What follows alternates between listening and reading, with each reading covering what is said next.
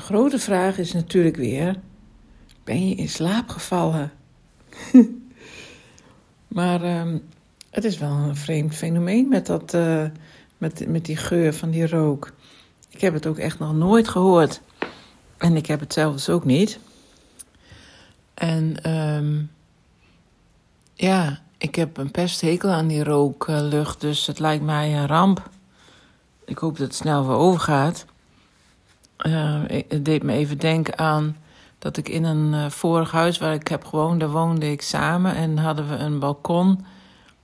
Uh, de slaapkamer had een balkon, zeg maar. En die, dat balkon dat keek dan ook uit op de tuin.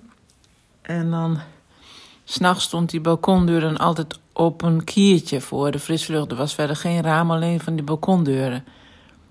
En, um, maar elke ochtend stond dan die buurman uh, te roken in de tuin. Die moest vroeg werken of zo, weet ik veel wat. Die was altijd vroeg op. En dan stond hij te roken. En altijd kwam die rooklucht dan die slaapkamer binnen.